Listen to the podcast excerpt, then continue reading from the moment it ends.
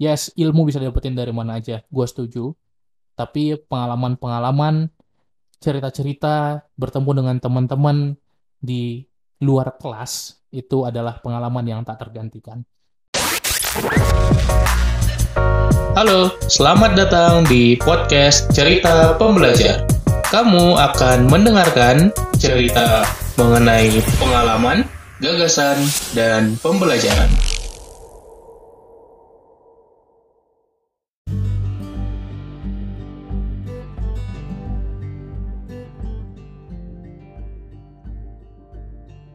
Halo sobat pembelajar, gimana kabar lu? Semoga sehat selalu dan semoga bisa terus belajar dan bertumbuh setiap hari. Di episode kali ini gue pingin cerita tentang suka dan duka jadi alumni ITB. Apa sih yang dirasakan ketika gue udah jadi alumni ITB gitu? Apakah ada bedanya? Apakah sama saja? Mari kita bahas. Dan ini juga hasil dari question sticker yang gue taruh di story sama seperti episode kemarin. Episode hari ini gue juga dapetin uh, ide podcastnya dari jawaban dari story gue gitu ya. Jadi gue tanya pada mau bahas apa lagi nih di cerita pembelajar season 7 terus ada yang jawab bang cerita dong gimana suka duga jadi alumni ITB so ya udah ini langsung gue bahas di episode kali ini. So langsung saja yuk simak. Ini dia cerita di balik suka duka menjadi alumni ITB. Cerita pembelajar season 7. The story behind. Oke, sebelum gue cerita apa yang gue rasakan ketika menjadi alumni ITB, sedikit background buat lo yang belum tahu. Jadi gue adalah mahasiswa ITB S1 dan S2. Gua S1 4 tahun dari Agustus 2015, gua lulus di Oktober 2019. Jadi 8 semester dan gua juga kuliah S2 langsung setelah itu sampai bulan Maret April sih lulusnya ya April 2021. Jadi sebenarnya gue baru 3 sampai 4 bulan saja lulus. Ya, bisa dibilang lah fresh graduate gitu ya. Orang yang baru lulus. Oke, jadi gue langsung cerita aja pengalaman gue setelah lulus itu seperti apa. Jadi kalau disebut alumni ITB kan yang lulus dari ITB dan biasanya yang ada ikatan alumni itu S1 juga cukup. Jadi 2019 gue lulus sudah sah gue menjadi alumni ITB. Nah, yang menarik adalah cerita-cerita tentang alumni ITB gitu ya yang mungkin sering beredar di kalangan masyarakat banyak yang bilang gitu ya kalau mau jadi alumni ITB ya berarti lulus dari ITB gitu ya itu susah gitu ya bener nggak banyak yang bilang gini bahkan di meme banyak beredar masuk ITB itu susah keluar ITB jauh lebih susah gitu ya lebih susah lagi. Ya gue harus bilang itu benar gitu ya itu valid itu benar dan gue juga ngerasainnya. Susah banget apalagi zaman zaman penelitian baik skripsi maupun tesis it's hard man gitu ya. Harus benar-benar kita berjuang supaya kita bisa lulus. Kemudian gue juga pernah dengar gini kalau kita nggak keterima masuk ITB ya. Nggak lolos SBMPTN, SNMPTN atau jalur mandiri atau apa pun jalurnya kita bakal nangis empat hari gitu ya. Tapi kalau kita masuk ITB kita bakal nangis empat tahun. Ya nggak nangis juga sih tapi secara kiasan oke okay lah make sense gitu ya. Jadi gue kalau ditanya gitu ya bang di ITB susah nggak? Yes gitu ya. Gue harus mengaku itu susah gitu. Tapi that's okay gitu ya. Semua kampus pasti punya kesulitannya masing-masing but it's a challenge here gue tahu gitu ya kalau mau cari meme lainnya cari aja di Instagram ITB receh supaya lo dapat make sense lah apa yang gue maksud oke okay. dan sekarang gue udah lulus dari ITB so udah jadi alumni bahkan gue udah megang dua ijazah S1 dan S2 dan di gelar gue juga udah sah gue tulis nama Umar Al Faruqi koma ST, koma MT gitu ya. Jadi sarjana teknik dan magister teknik. Dua-duanya alhamdulillah lulus cum laude. Jadi gue pengen share gitu ya apa yang gue rasakan setelah berhasil mendapatkan titel-titel itu. Satu hal yang mungkin sering lo dengar adalah kalau anak ITB lulus gitu ya, alumni ITB, wah pasti otomatis udah nunggu tuh perusahaan untuk menawarkan pekerjaan gitu ya. Atau pasti kerja di company multinasional gitu ya, company di luar negeri atau sudah pasti kerja di perusahaan-perusahaan apa ya, banking, FMCG, oil and gas uh, dan seterusnya gitu. Ya. Tapi gue bisa dibilang berbeda gitu ya. Dan karena gue salah jurusan juga salah satu faktornya gitu. Terus banyak yang nanya gitu ya kalau salah jurusan kenapa lu ngambil STEMAR pada awalnya? Ya pertama gue tertarik ke ngoding-ngoding ke informatics ke electrical engineering. But I change my mind gitu ya. Ternyata gue nggak setertarik itu. Terus kenapa lu ngambil S2 lu udah tahu salah jurusan ya gue tahu gitu ya gue nggak suka dengan bidang gue tapi dulunya gue pengen jadi dosen karena gue suka ngajar. Sesimpel itu. Tapi setelah lu S2 mar ya I change my mind gitu. Gue berubah pikiran gue lebih senang jadi kreator jadi trainer jadi public speaker more fun gitu ya lebih menyenangkan. So ya udah gitu ya. Kalau ada yang bilang sayang tapi mar S1 S2 lu ya betul ya emang sayang. Terus so what gitu ya. So what gitu ya kalau misalnya gue pengen cari yang lain dan itu lebih menyenangkan gue happy ngerjainnya ya udah gitu gue lakuin aja sesimpel itu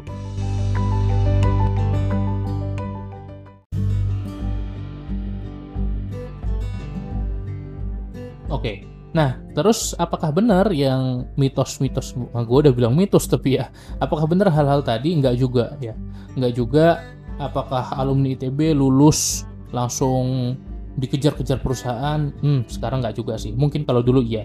Karena kalau dulu alumni itu masih terbatas banget ya.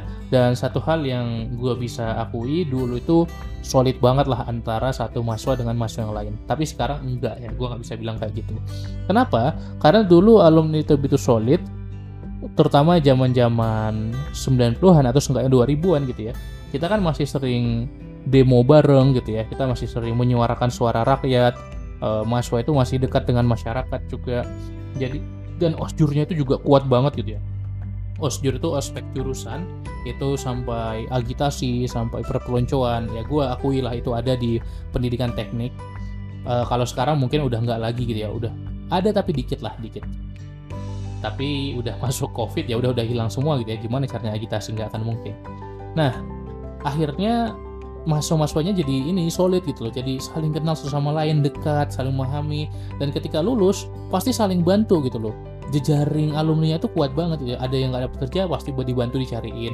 Oh ya udah masuk aja di perusahaan gua gitu dan seterusnya. Which is good itu yang gua suka sebetulnya. Apakah gua bilang solid itu masih ada? Yes masih ada. Alumni TB cukup solid tapi nggak sesolid dulu. Itu yang gua rasakan. Jadi sebetulnya sekarang ya semua orang berjuang di bidangnya masing-masing, di kehidupannya masing-masing dan di karirnya masing-masing. Yang saling erat membantu biasanya ya circle pertemanan kita gitu ya. Jadi buat lo yang mungkin sedang sekolah, mahasiswa ataupun yang udah lulus sebenarnya penting banget untuk menjaga circle pertemanan gitu ya. Penting banget untuk menjalin relasi, mencari jejaring yang lebih luas supaya kita punya banyak teman gitu dan bukan hanya untuk dimanfaatkan aja ya teman-teman kita itu bukan tapi ya secara tulus kita punya banyak teman itu pasti banyak manfaatnya belum lagi manfaat tambahannya kita akan dimudahkan gitu ya jadi sebenarnya orang dalam is real gitu ya.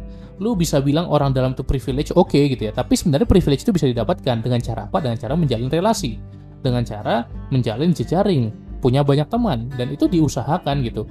Bukan serta merta kita punya banyak orang dalam nggak kayak gitu gitu ya. Apakah privilege dari orang tua ada? Ada gitu ya. Kalau misalnya emang orang tua kita general manager atau bos perusahaan ya emang kita bisa ambil privilege itu gitu. Tapi kan nggak semua orang punya privilege dari orang tuanya jadi kita sekalipun orang tua kita punya banyak koneksi, kita pun juga harus memperbanyak koneksi kita karena kita nggak bisa terus-terusan mengandalkan. Jadi kita juga harus sering menjalin relasi gitu ya. Dan sama gitu ya, ketika gua kuliah, gua juga sering merasakan rekrutmen-rekrutmen dari perusahaan-perusahaan yang nyari anak ITB itu ada. Ya ketika lulus pun ada juga rekrutmen-rekrutmen yang mensyaratkan kita dari top university di Indonesia itu ITB masuk. Jadi gue merasakan privilege itu ada. Sebagai alumni ITB gue nggak bilang nol sama sekali ada nilai unggul ketika kita apply ke perusahaan. Itu gue akui. Oke? okay?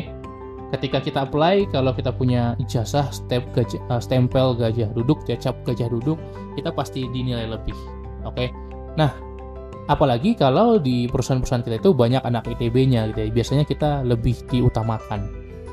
Ya gue nggak tahu itu termasuk nepotisme atau enggak tapi ya nggak tahu lah ya gitu. Nggak tahu gue hanya apa ya tidak bisa memberikan stance lah dalam hal itu kenapa? Karena gue juga nggak banyak berkecimpung di corporate sekarang. Ya gue kan sekarang freelance gue sekarang content creator gue sekarang self employed jadi simpelnya dua ijazah gue itu bisa dibilang nggak guna lah untuk sekarang. Gue nggak tahu untuk nanti. Karena nanti bisa aja berubah. Untuk sekarang ya nggak guna gitu ya. Jadi nganggur tuh dua ijazah gue walaupun gue merasa apa yang gue pelajari itu bermanfaat sampai gue sekarang dan yang gue pelajari maksud gue bukan ilmu di dalam kelasnya tapi di luar kelasnya. Oke okay, so apa yang menarik? Apa yang benar-benar gue rasakan ketika gue udah kuliah lima setengah tahun di ITB yang pertama yang gue bener-bener enjoy suka senang adalah orang-orangnya ya. Jadi kegiatan organisasi kemahasiswaan di luar kelasnya. Kenapa? Karena yang di dalam kelas itu bisa dipelajari di mana pun, di internet, di kampus-kampus lain pasti juga ada ya gue mengakui sih lebih susah gitu ya. Gue pernah compare. Kalau kita bilang ya setiap jurusan pasti punya kesulitan masing-masing setiap kampus pasti punya struggle-nya. Gue pernah compare real. Di kampus gue jurusan elektronya dengan di kampus lain soal-soalnya itu beda banget. Kesulitannya itu difficulty jauh gitu ya. Terus uh, kompleksitas analitisnya itu juga beda jauh. Jadi gue bisa mengakui uh, top notch lah gitu ya yang di ITB jurusan-jurusannya itu memang lebih susah karena gue pernah compare, jadi ini by data ya, gue punya uh, background riset kecil-kecilannya. Oke, okay. terus apa hal yang istimewa gitu? Oke, okay, kita mulai dari yang dalam kelasnya dulu deh. Secara akademiknya, bukan ilmunya yang sebenarnya terlalu istimewa enggak tapi proses berpikir nalar di balik kita memikirkan sesuatu di balik kita memecahkan masalah problem solvingnya apalagi tugas akhir gua bukan skripsi ya tugas akhir gua itu adalah capstone design atau rancang bangun. Jadi gua bikin sebuah alat gimana gua memetakan masalah terus dari masalah itu gua cari solusinya seperti apa gua pilih alternatif-alternatif solusi gua analisis gua cari solusi yang paling benar terus kemudian gua bikin produknya gua tes gua iterasi gua ulang terus itu benar-benar cara berpikir engineer ya proses berpikirnya oke kalau gue ditanya sekarang gue pasti udah lupa semua mata kuliah mata kuliah rangkaian listrik sistem digital lo tanya gue sekarang udah lupa gue tapi cara berpikirnya yang kita benar-benar dapetin sampai sekarang So, itu gue dapat banget ya. Cara berpikir sebagai seorang engineer, cara berpikir yang runut, sistematis, logical, critical thinking itu gue dapat. Selain itu juga pressure yang luar biasa dari akademik itu membuat kita jadi lebih tangguh sih. Gue merasakan banget. Jadi kenapa sih lebih tangguh? Bukan hanya lebih susah, tapi kita sibuk ya. Kita disibukkan dengan akademik gitu ya, karena ada PR, ada tugas, ada laporan praktikum, ada ujian, ada kuis numpuk gitu ya. Banyak banget. Jadi kalau dibilang alumni, eh sorry, anak ITB chaos, yes, bener chaos gitu. Dan itu gue rasakan membentuk sekarang ya sekarang baru terasa tuh manfaatnya ketika udah jadi alumni. Ketika kita mengalaminya waduh stres banget gue jadi anak ITB no life banget. Ya terasa sih manfaatnya gitu ya. Jadi kita lebih terbiasa untuk manage waktu lebih terbiasa untuk manage prioritas. Dan itu sebenarnya kayak apa ya? Kayak di program ke kita gitu loh. Karena itu semua bawah sadar gitu kan. Ya sederhananya yang kelihatan yang tampak tip of icebergnya adalah kita punya banyak tugas kita punya banyak kerjaan. Tapi di bawahnya itu kita diprogram untuk lebih bisa mengelola diri, mengelola waktu kita, bagaimana kita bisa bekerja sama dalam tim, dan seterusnya. Kemudian gue juga dapet elemen kerjasama dan dan bagaimana kita berjuang bersama-sama.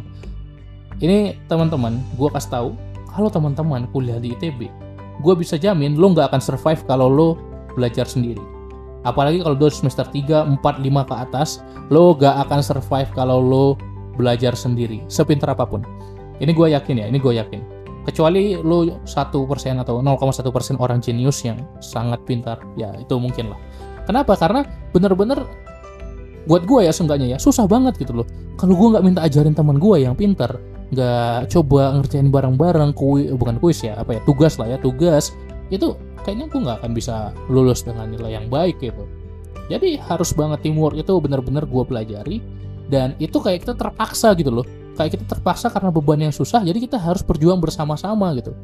Dan nggak cukup sih sebenarnya rajin doang gitu ya harus rajin dan pinter gitu. Dan untuk pinter nggak nggak cukup itu kita cuma bahas soal aja. Jadi kayak ada bundel soal gitu kan latihan soal. Kita kerjain semua belum tentu juga kita bisa bisa menyelesaikan dengan baik di ujian karena konsepnya itu benar-benar penting terutama untuk jurusan yang engineering ya teknik.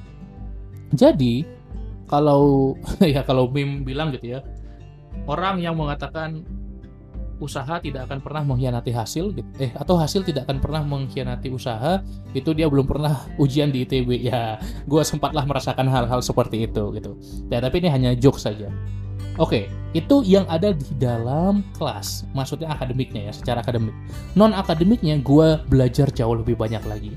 Kenapa? Karena harus gue akui orang-orang yang masuk ke ITB bukan orang-orang sembarangan, orang-orang yang sudah terfilter gitu ya, orang-orang yang punya kompetensi. Ya udah jadi kita ngomong itu nyambung, orang-orang juga pada cerdas, nggak harus pintar secara akademik tapi cerdas secara berpikir, nalar, logika nyambung dan akhirnya kualitas kemahasiswaan kita juga kuat gitu. Ketik contoh nih yang paling populer biasanya kan ada demo, ada kajian tentang isu-isu di negara ini, sosial politiknya tuh kencang gitu ya karena orang-orangnya jago kajian gitu ya, jago mengkaji isu gitu. Jadi kalau gue lihat dokumen hasil kajian dari isu energi atau isu elektrifikasi karena gue jurusan elektro atau isu batu bara dan tambang itu bener-bener jago gitu pengkajiannya gitu. Nggak nggak ngasal. Dan itu sih yang gue bangga gitu ya walaupun gue bukan anak sospol bukan anak sosial politik tapi itu gue bangga sih dengan itu. Dan kita terbiasa untuk mengkaji ya. Salah satu dari tujuh budaya kampus di ITB itu adalah kajian jadi gue benar-benar senang dengan orang-orang yang ada. Terus juga kultur mengapresiasi di sana, wisuda yang benar-benar mengapresiasi wisudawannya karena susah proses kuliah di ITB, itu benar-benar gue rasakan banget, gue rasakan banget. Jadi di kemahasiswaan, di organisasi, di luar kelas, itu gue belajar jauh lebih banyak dari yang ada di dalam kelas. Jadi kalaupun gue salah jurusan, bodo amat gak apa-apa, gue lebih menghargai apa yang ada di luar kelas gimana gue aktif di organisasi, mencoba mencalonkan diri jadi ketua himpunan dan kalah pada waktu itu. It's a learning gitu loh. Itu sebuah proses pembelajaran yang yang gak akan gue dapat mungkin kalau gue nggak kuliah di ITB gitu atau mungkin secara general gue nggak kuliah. Yes, ilmu bisa dapetin dari mana aja, gue setuju. Tapi pengalaman-pengalaman, cerita-cerita, bertemu dengan teman-teman di luar kelas itu adalah pengalaman yang tak tergantikan ya kenapa gue bahas ini? Karena itu yang gue rasakan sekarang sebagai seorang alumni. Gue kangen masa-masa itu. Gue gua rindu banget uh, ketika gue jadi seorang akademisi sekaligus aktivis ketika menjadi seorang yang aktif yang nongkrong di sekre HMI ITB gue kangen banget masa-masa itu. Jadi itu yang gue syukuri dan gue juga bersyukur tentunya gue dulu kuliah S1 belum kena covid gitu ya. By the way gue lulus itu Oktober 2019 yang mana itu adalah acara wisuda terakhir sebelum covid jadi itu gue syukuri karena gue masih sempat wisuda secara offline dan gue nggak ngejudge siapa pun yang wisuda online tapi syukurilah apa yang bisa kita syukuri dan sekarang gue merasa banyak yang gue dapetin ketika gue udah jadi alumni ITB. Oke, secara ijazah, secara titel nggak terlalu berguna sih. Emang ngaruh tadi gue bilang, tapi nggak sengaruh itu nggak serta merta kita langsung dikejar banyak perusahaan. Nggak serta merta kita langsung dapat kerjaan yang bagus pangkat yang tinggi atau gaji yang banyak. Nggak coy. Mungkin dulu seperti itu tapi sekarang udah nggak lagi. Karena source-nya udah semakin banyak jadi perusahaan bisa dengan mudahnya lebih selektif. Apalagi zaman sekarang uh, tidak pasti kampus itu titel kita lulus dari sebuah kampus itu menentukan kualitas kita. Balik lagi ke kualitas orangnya balik lagi ke kemampuan dan kompetensi orangnya apakah orang tersebut layak masuk di perusahaan itu dengan role tersebut. Jadi gue bisa bilang nggak terlalu ngaruh ya. Tapi mungkin kalau nanti mampir ke rumah calon mertua kita nunjukin dua ijazah mungkin ngaruh ya. Tapi nggak tahu gitu ya. Gue belum kepikiran ke sana. So kurang lebih gue udah bilang tadi manfaatnya apa mitos-mitosnya apa yang gue rasakan sebagai seorang alumni ITB oh satu lagi gitu ya. Dulu sempat bukan dulu ya awal tahun ini ya. Uh, awal tahun nih ya sempat ada pemilu ikatan alumni ITB dan gue sempat berkecimpung juga di situ. Gue jadi tim sukses di salah satu calon ketua umum gitu ya namanya Saska. Dan gue enjoy banget ngelihat oh ternyata masih ada solid solidnya gitu ya uh, anak ITB tapi kebetulan kalah uh, kalah tipis sama yang menang. Tapi gue merasakan wah spirit spirit alumni ITB sebenarnya masih ada. Jadi gue ngelihatnya bukan satu orang hebat yang menjadi sosok alumni ITB seperti Soekarno dulu yang menjadi lampu jalan yang terang gitu ya. Bukan lampu di atas mercusuar tinggi yang menyinari gitu. Tapi gue melihatnya alumni ITB itu sebagai lilin-lilin di daerahnya masing-masing di pekerjaannya masing-masing di domainnya masing-masing. Gue nggak tahu alumni ITB yang lain merasakan seperti itu enggak tapi ini yang gue rasakan. Ya ini kan podcast gue ya udah ini cerita gue gitu sesimpel itu inilah yang gue rasakan sebagai seorang alumni. Itu aja buat episode kali ini semoga ada manfaatnya. Ya sebenarnya di season 7 ini kan gue cerita ya kalau lo merasa bermanfaat lo kasih tahu ke gue DM gue bang bermanfaat gitu ya. Kalau enggak DM gue juga bang uh, lebih enak kasih tips-tips aja. Yuk coba lo kirimlah DM ke gue gitu ya supaya gue tahu nih uh, lebih enak gue podcastnya bikin cerita kayak gini atau sekedar tips-tips aja atau diselingi atau gimana. Coba please DM gue sekarang. Uh, langsung uh, abis selesai podcast ini close Spotify lu buka ke IG DM gue ya. Please DM gue supaya gue tahu lo suka atau enggak. Oke? Okay? ya maksudnya belum tentu itu gue terima mentah-mentah juga gitu ya. Saran-saran dari lo tapi seenggaknya itu menjadi konsiderasi gue untuk bikin podcast ke depannya. Thank you banget yang sudah dengerin podcast kali ini. Buat lo semoga terus sehat gitu ya stay healthy. Di zaman sekarang ini lagi corona lagi uh, chaos-chaosnya gitu ya lagi naik-naiknya so gue harap lo dapat yang terbaik dan bisa terus bertumbuh dari hari ke hari. Jangan lupa share ke teman-teman lo kalau bermanfaat dan follow gue di Spotify cerita pembelajar. Thank you thank you thank you. Kita jumpa lagi di episode berikutnya. Salam pembelajar